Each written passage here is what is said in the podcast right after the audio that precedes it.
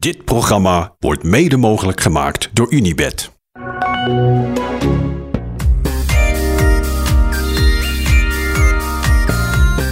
Goedemorgen. Weet je. Weer koffie. Ja.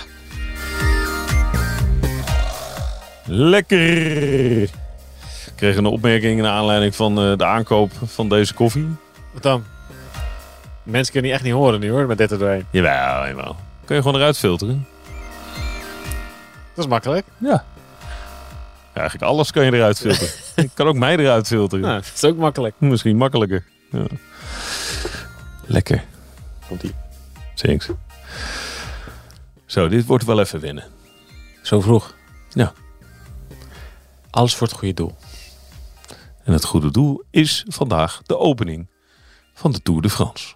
Hé, Heel veel zin in. Ik begin zo langzamerhand zo'n hekel te krijgen aan die aanloopdagen. Gewoon het Nou, beginnen. nu minder. Minder. Waarom? Nou, ik, ik, ik- met zo'n aanloopdagen, als het gewoon een, een pro- proloogje is of een tijdritje en daarna gewoon wat vlakkere dagen, dan, ja, dan kan je nog zo'n beetje zo, eh, zo'n beetje zo de tour inrollen. Snap je? Dat kan nu niet. Nee, je moet wel gelijk... eh, ja, maar misschien is dat het wel. Ik heb ongelooflijk hoeveelheid zin in. Ja, ja, dan duurt het lang die laatste Ja. dagen. Ja, het kon mij niet eh, snel genoeg eh, zaterdagochtend zijn. Ja, nee, dat, En dat is het.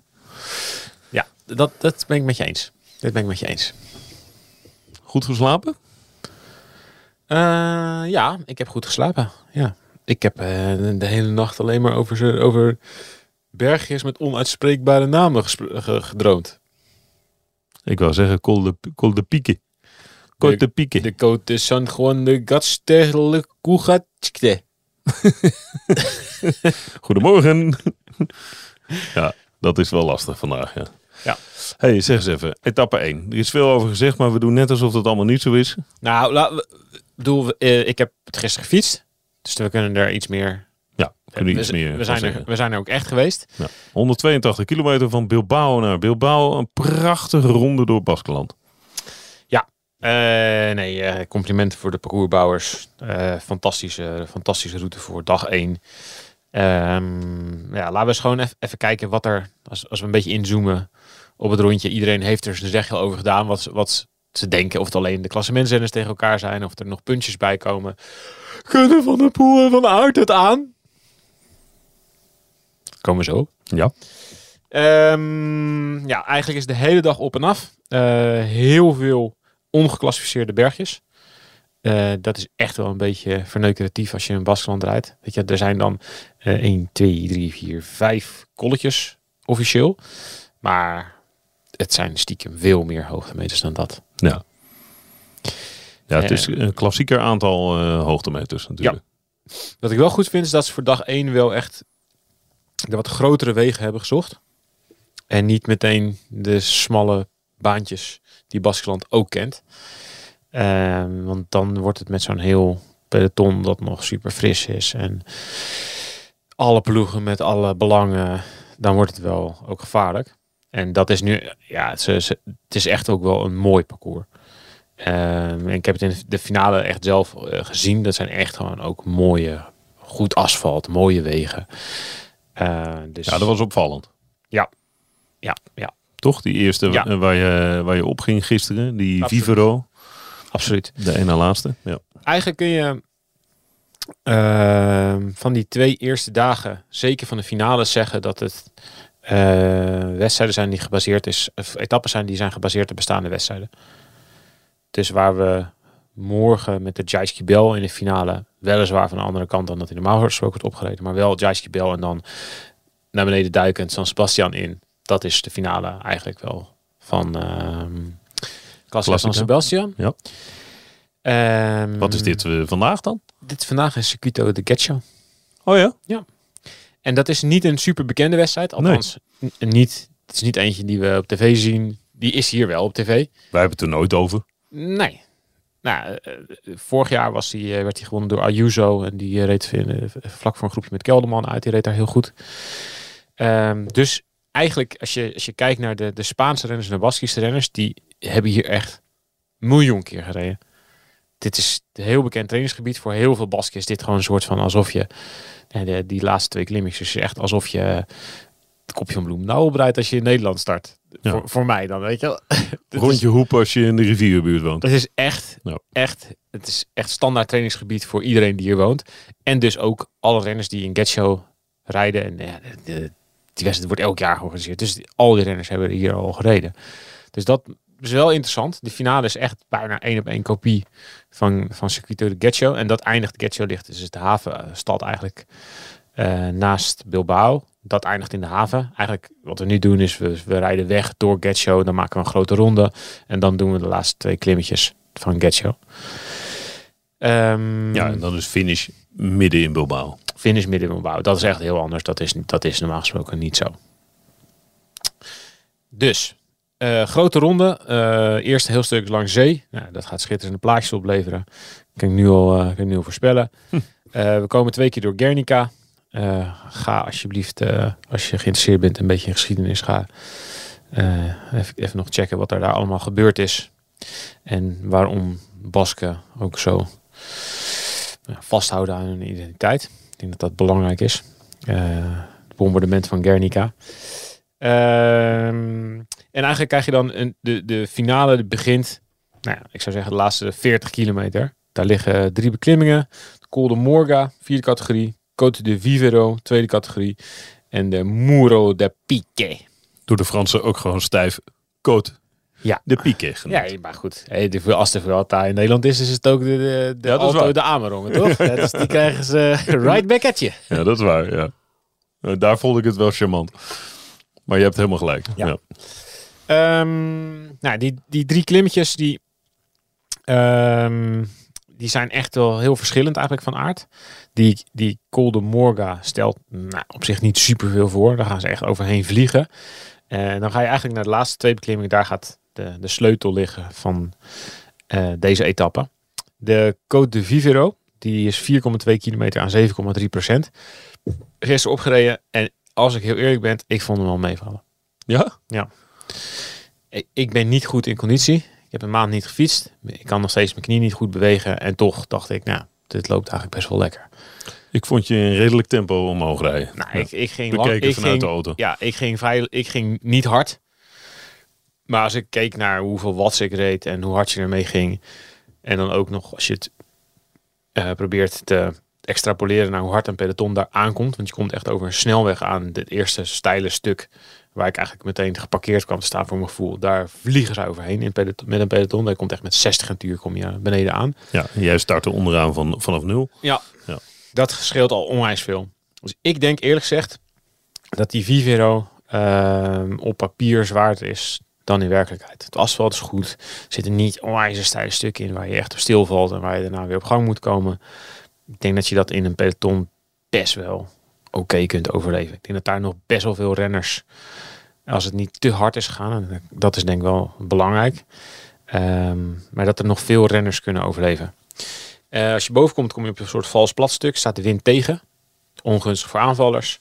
Eh, afdaling, kom je beneden. En dan kom je op een hele lange rechte weg. Langs het vliegveld. Wind vol tegen. Ook dat is super ongunstig voor aanvallers. Vandaag ook, want dat was gisteren ook. Ja, de wind staat hetzelfde. Uit zee. Dus eigenlijk zie je dat, dat de finale alle tussenstukken, alle vals platstukken bovenop de, de plateaus bovenop de bergjes, allemaal wind tegen. En wat zegt dat? Ja, dat het dus ontzettend lastig is als je, gaat, als je eerder gaat aanvallen dan die pieken. En ik denk dat dat de aanvallers wel een beetje de lust ontneemt. Natuurlijk zullen er renners zijn die het proberen. Dus al, al een groepje meteen vertrekken bij de start. Die gaan proberen bergpunten te verzamelen. Denk niet dat daar de allergrootste renners in zitten. Want ja, die gaan allemaal sparen tot de finale. En dan krijg je dus eigenlijk... Wat ik denk wat er gaat gebeuren is dat het een redelijk gecontroleerde dag wordt tot aan die laatste tot aan die moeren, die pieken. Er zijn heel veel klassementsploegen met klassementsrenners die nu nog allemaal denken dat ze een goede tour gaan rijden. Die allemaal van voren willen blijven. Die allemaal denken, ja, ja, we gaan geen kruid verschieten, maar we willen niet dat, dat we tijd verliezen vandaag. En dat zorgt ervoor, zeker op die, op die tussenstukken, dat het in het peloton heel hard gaat. Iedereen wil goed gepositioneerd zitten eh, bij die, die voet van dat muurtje. Ja, ga daar maar eens lekker voor in je eentje of met een groepje of met vier, vijf, zes, zeven man vooruit. Dat is ontzettend lastig. Ik zie het niet gebeuren eerlijk. Tenzij het de allerbeste zijn uit die ploeg. Of is dat geen scenario? Ja, Komen die niet uit een hok? ik, ik, behalve denk, op de laatste kilometer van die pieken. ik denk het niet. Ik, ik denk niet dat Van der Poel of Van Aert of het Alaphilippe, Pitcock, Bilbao, allemaal dat soort jongens. Ik, ik vraag me af of die al zo vroeg durven te gaan. Want je krijgt het gewoon, je krijgt hem gewoon meer dan waarschijnlijk om je oren. Ja. En dan moet het wel zo'n goede groep zijn met zulke belangrijke. En dan moet, ja, dan moet de Pogacar en Vingegaard er al bij zitten, bij wijze van spreken. Dat zie ik niet gebeuren. Daar is, daar is die Vivero ook niet, niet zwaar genoeg voor. Dus ja, ehm, ik denk dat het een hele zware dag wordt, maar meer dat het dat je eigenlijk ziet dat het er langzaam, dat het heel slopend is en dat je op die laatste beklimming, die piqué, dat alles daar ontploft. Dus dat je als kijker niet moet verwachten dat het half, half koers al helemaal uit elkaar is gespat. Nee, dat is een belangrijke eh, opmerking. Ja, dat, het is geen eendaagse klassieker. Nee, het is het wordt niet een spektakelstuk zoals de Ronde van Vlaanderen Nee. met eh, Dat 70 kilometer van tevoren Mm. Dat denk ik niet. Dat denk ik niet. Dat lijkt me echt heel sterk. Dan moeten echt al gekke dingen gebeuren. Er moet, dan moet, eh, daar moeten er eh, valpartijen of lekker banden zijn die op van hele belangrijke renners en dat dat er heel veel nervo- nervositeit in het peloton komt.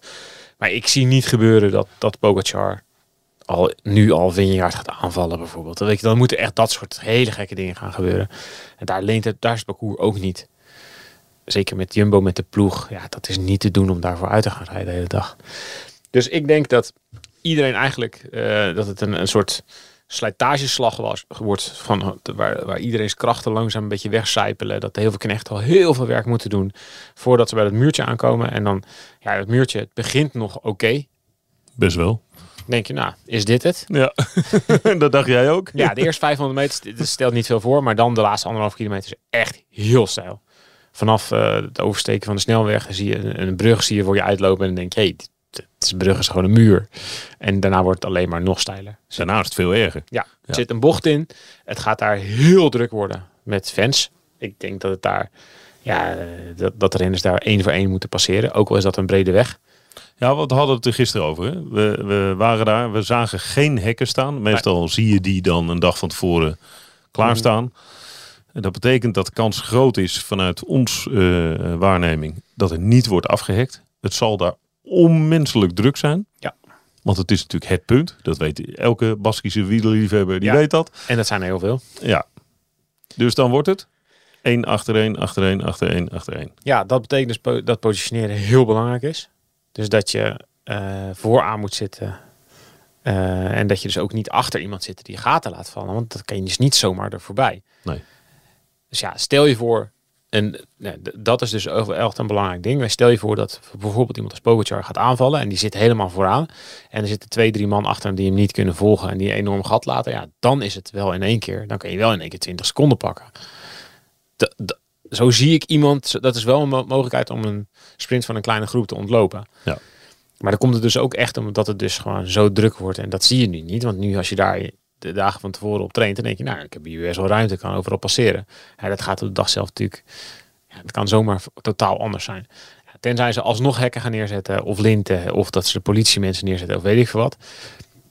Baskeland kennende, kijk naar San Sebastian, naar Ronde van Baskeland, doen ze dat hier niet vaak. Laten ze ook mensen de weg gebruiken als een soort stadion. Ja. Ehm, daarna is het een vrij makkelijke afdaling. Eh, Bilbao in de laatste kilometer loopt weer langzaam eh, omhoog. Zeker de laatste 500 meter. Dus het is ook sprintje tegen een heuvel op. Het meest waarschijnlijke scenario wat mij betreft is dat we gaan sprinten met eh, een beperkt groepje klassementsrenners plus een paar punchers. Ja. Maar kan je terugkomen op dat laatste stuk? Vanaf de top. Ja. Je gaat boven, eh, ga je rechtsaf. Ja, dat is kan genoeg zeker. tijd om terug te komen. Ja. Mits, En de- mits het gat overbrugbaar is. Zeker. Het ligt natuurlijk aan wie rijdt er vooruit, eh, wie, wie zit er erachter. Maar zeker voor wat zwaardere jongens, zeker de jong- jongens van Aert van de Poel, die kunnen echt nog wel 15 seconden of 20 seconden dichtrijden. Eh, Het ligt natuurlijk ook weer aan hoeveel energie kost dat en kun je dan nog weer meesprinten. Ehm, maar normaal gesproken, wat zijn de renners die daar echt die willen aangaan op die pieken? Dat zullen, dat zullen Pogacar, dat zal Pogacar zijn. Dat zal iemand als Alaphilippe ook zijn, weet je wel, die echt per se daar wil. Bilbao is, dit is, die heeft, die het hele jaar naartoe geleefd. Dit is zijn terrein, dit Ga- zijn thuis. Ja, die wil deze twee dagen gaan, gaan zien als een soort twee afzonderlijke klassiekers die hij allebei gaat proberen te winnen. Voor hem, zie ik, voor hem is het echt een nadeel dat de wind overal tegen staat. Waar gaat hij wegrijden? Het is Ja. ook, hij is ook klasse mensen zijn er ergens, weet je. Nou, alles spitst zich toe op, die, eh, op, die, op dat ene klimmetje. Ja, die gaan hem niet zomaar weg laten rijden.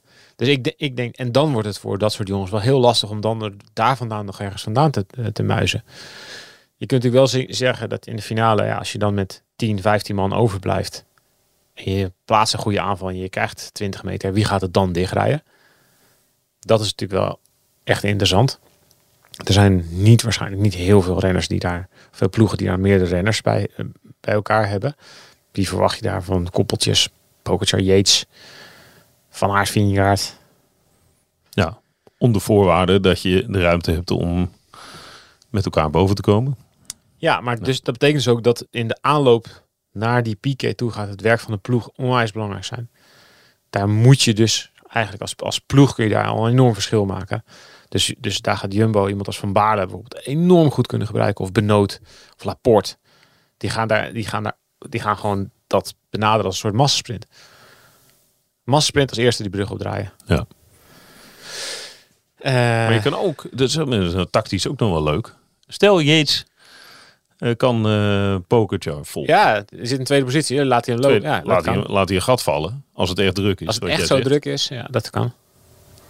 Dat kan. Sneaky.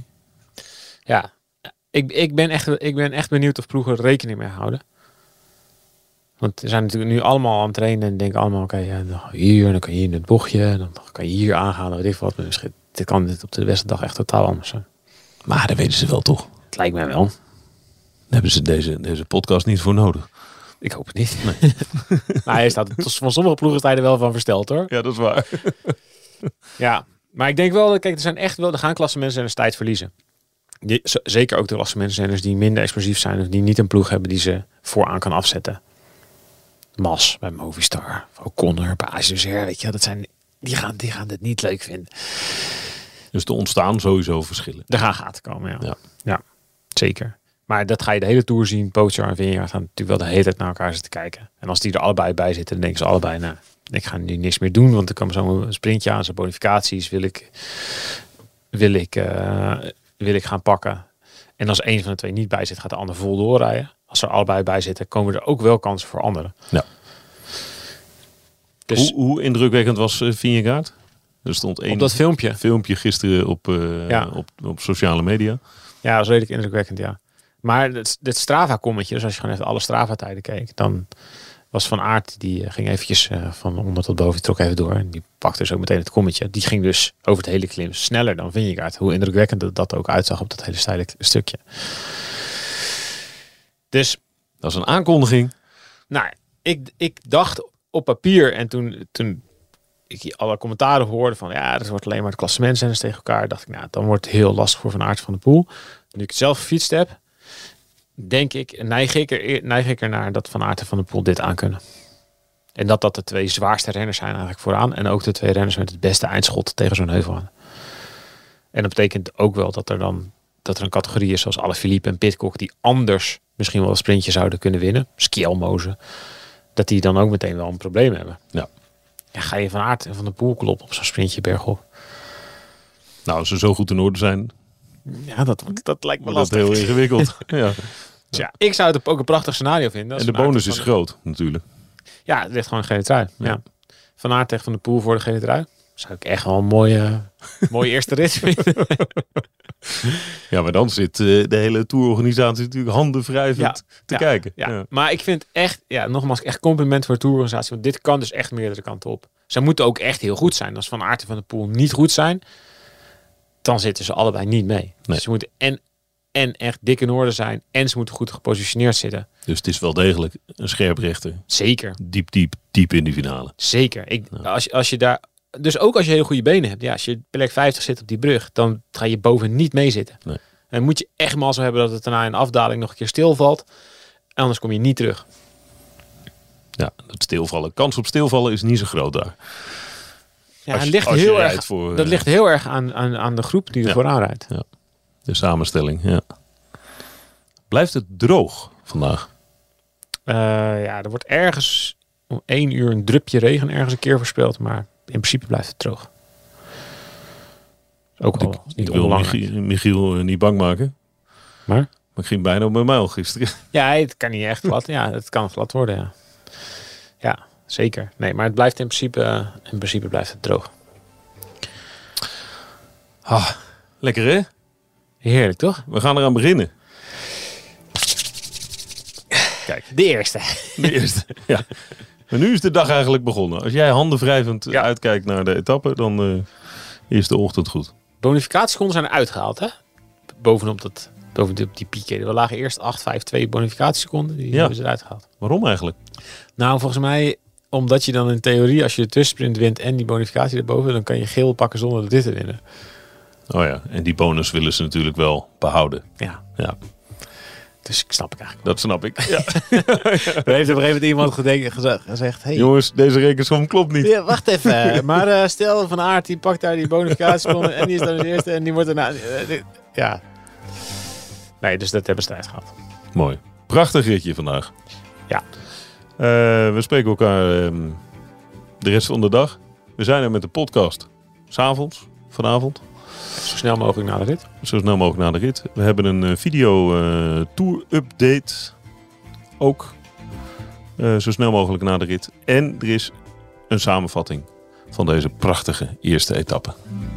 Kortom, genoeg te beluisteren, genoeg te zien. Tot vanavond. Tot vanavond. Veel plezier. Wil je een koffie? Ik wil nog wel één koffietje, ja. Wat doe jij nou? Ik neem eerst even een slokje water. Oh, water. Mag dat niet? Ja, ik dacht eh, iets anders. Goed zo. Jo. Dit programma werd mede mogelijk gemaakt door Unibed. Hoi, ik ben Joost Twinkels, radio-dj bij Q Music. Dit is mijn vader Piet. Lieve Joost, je staat nou recht tegenover mij. En ik ga nou op twee manieren tegen jou. Als je dit bandje luistert, dan weet je niet meer dat je hier gestaan hebt. Dit jaar is hij precies 20 jaar dood. En ondanks dat ik me weinig van hem kan herinneren, mis ik hem. Speciaal voor mijn broer Koen en mij liet hij brieven en audio-opnames na... die ik in deze podcast induik om niet alleen hem, maar ook mezelf beter te leren kennen. Ik heb geprobeerd om jullie te vertellen dat liefde het allerbelangrijkste is. Hou van elkaar en van de wereld om je heen. Dan komt alles goed. Liefst Papa Piet luister je nu in je favoriete podcast-app.